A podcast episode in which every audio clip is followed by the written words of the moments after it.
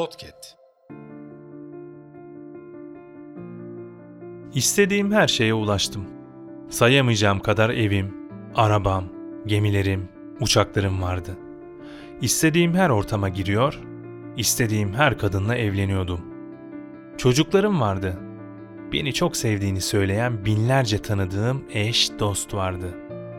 Lakin bir gün yol kenarında çöpten yiyecek çıkartıp onları yemek için keyifle parkta çimlere oturan bir yaşlı amcayı uzunca izledim.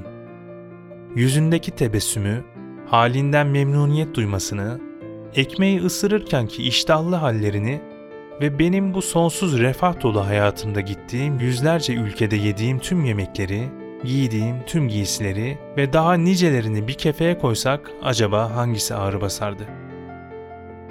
Büyük bir boşluğa düştüm ve hayatımın anlamsız bir şımarıklıktan başka bir şey olmadığını anladım.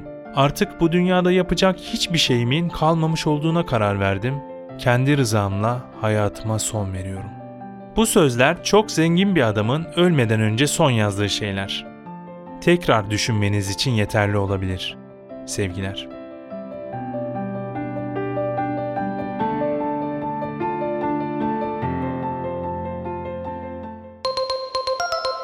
Podcast.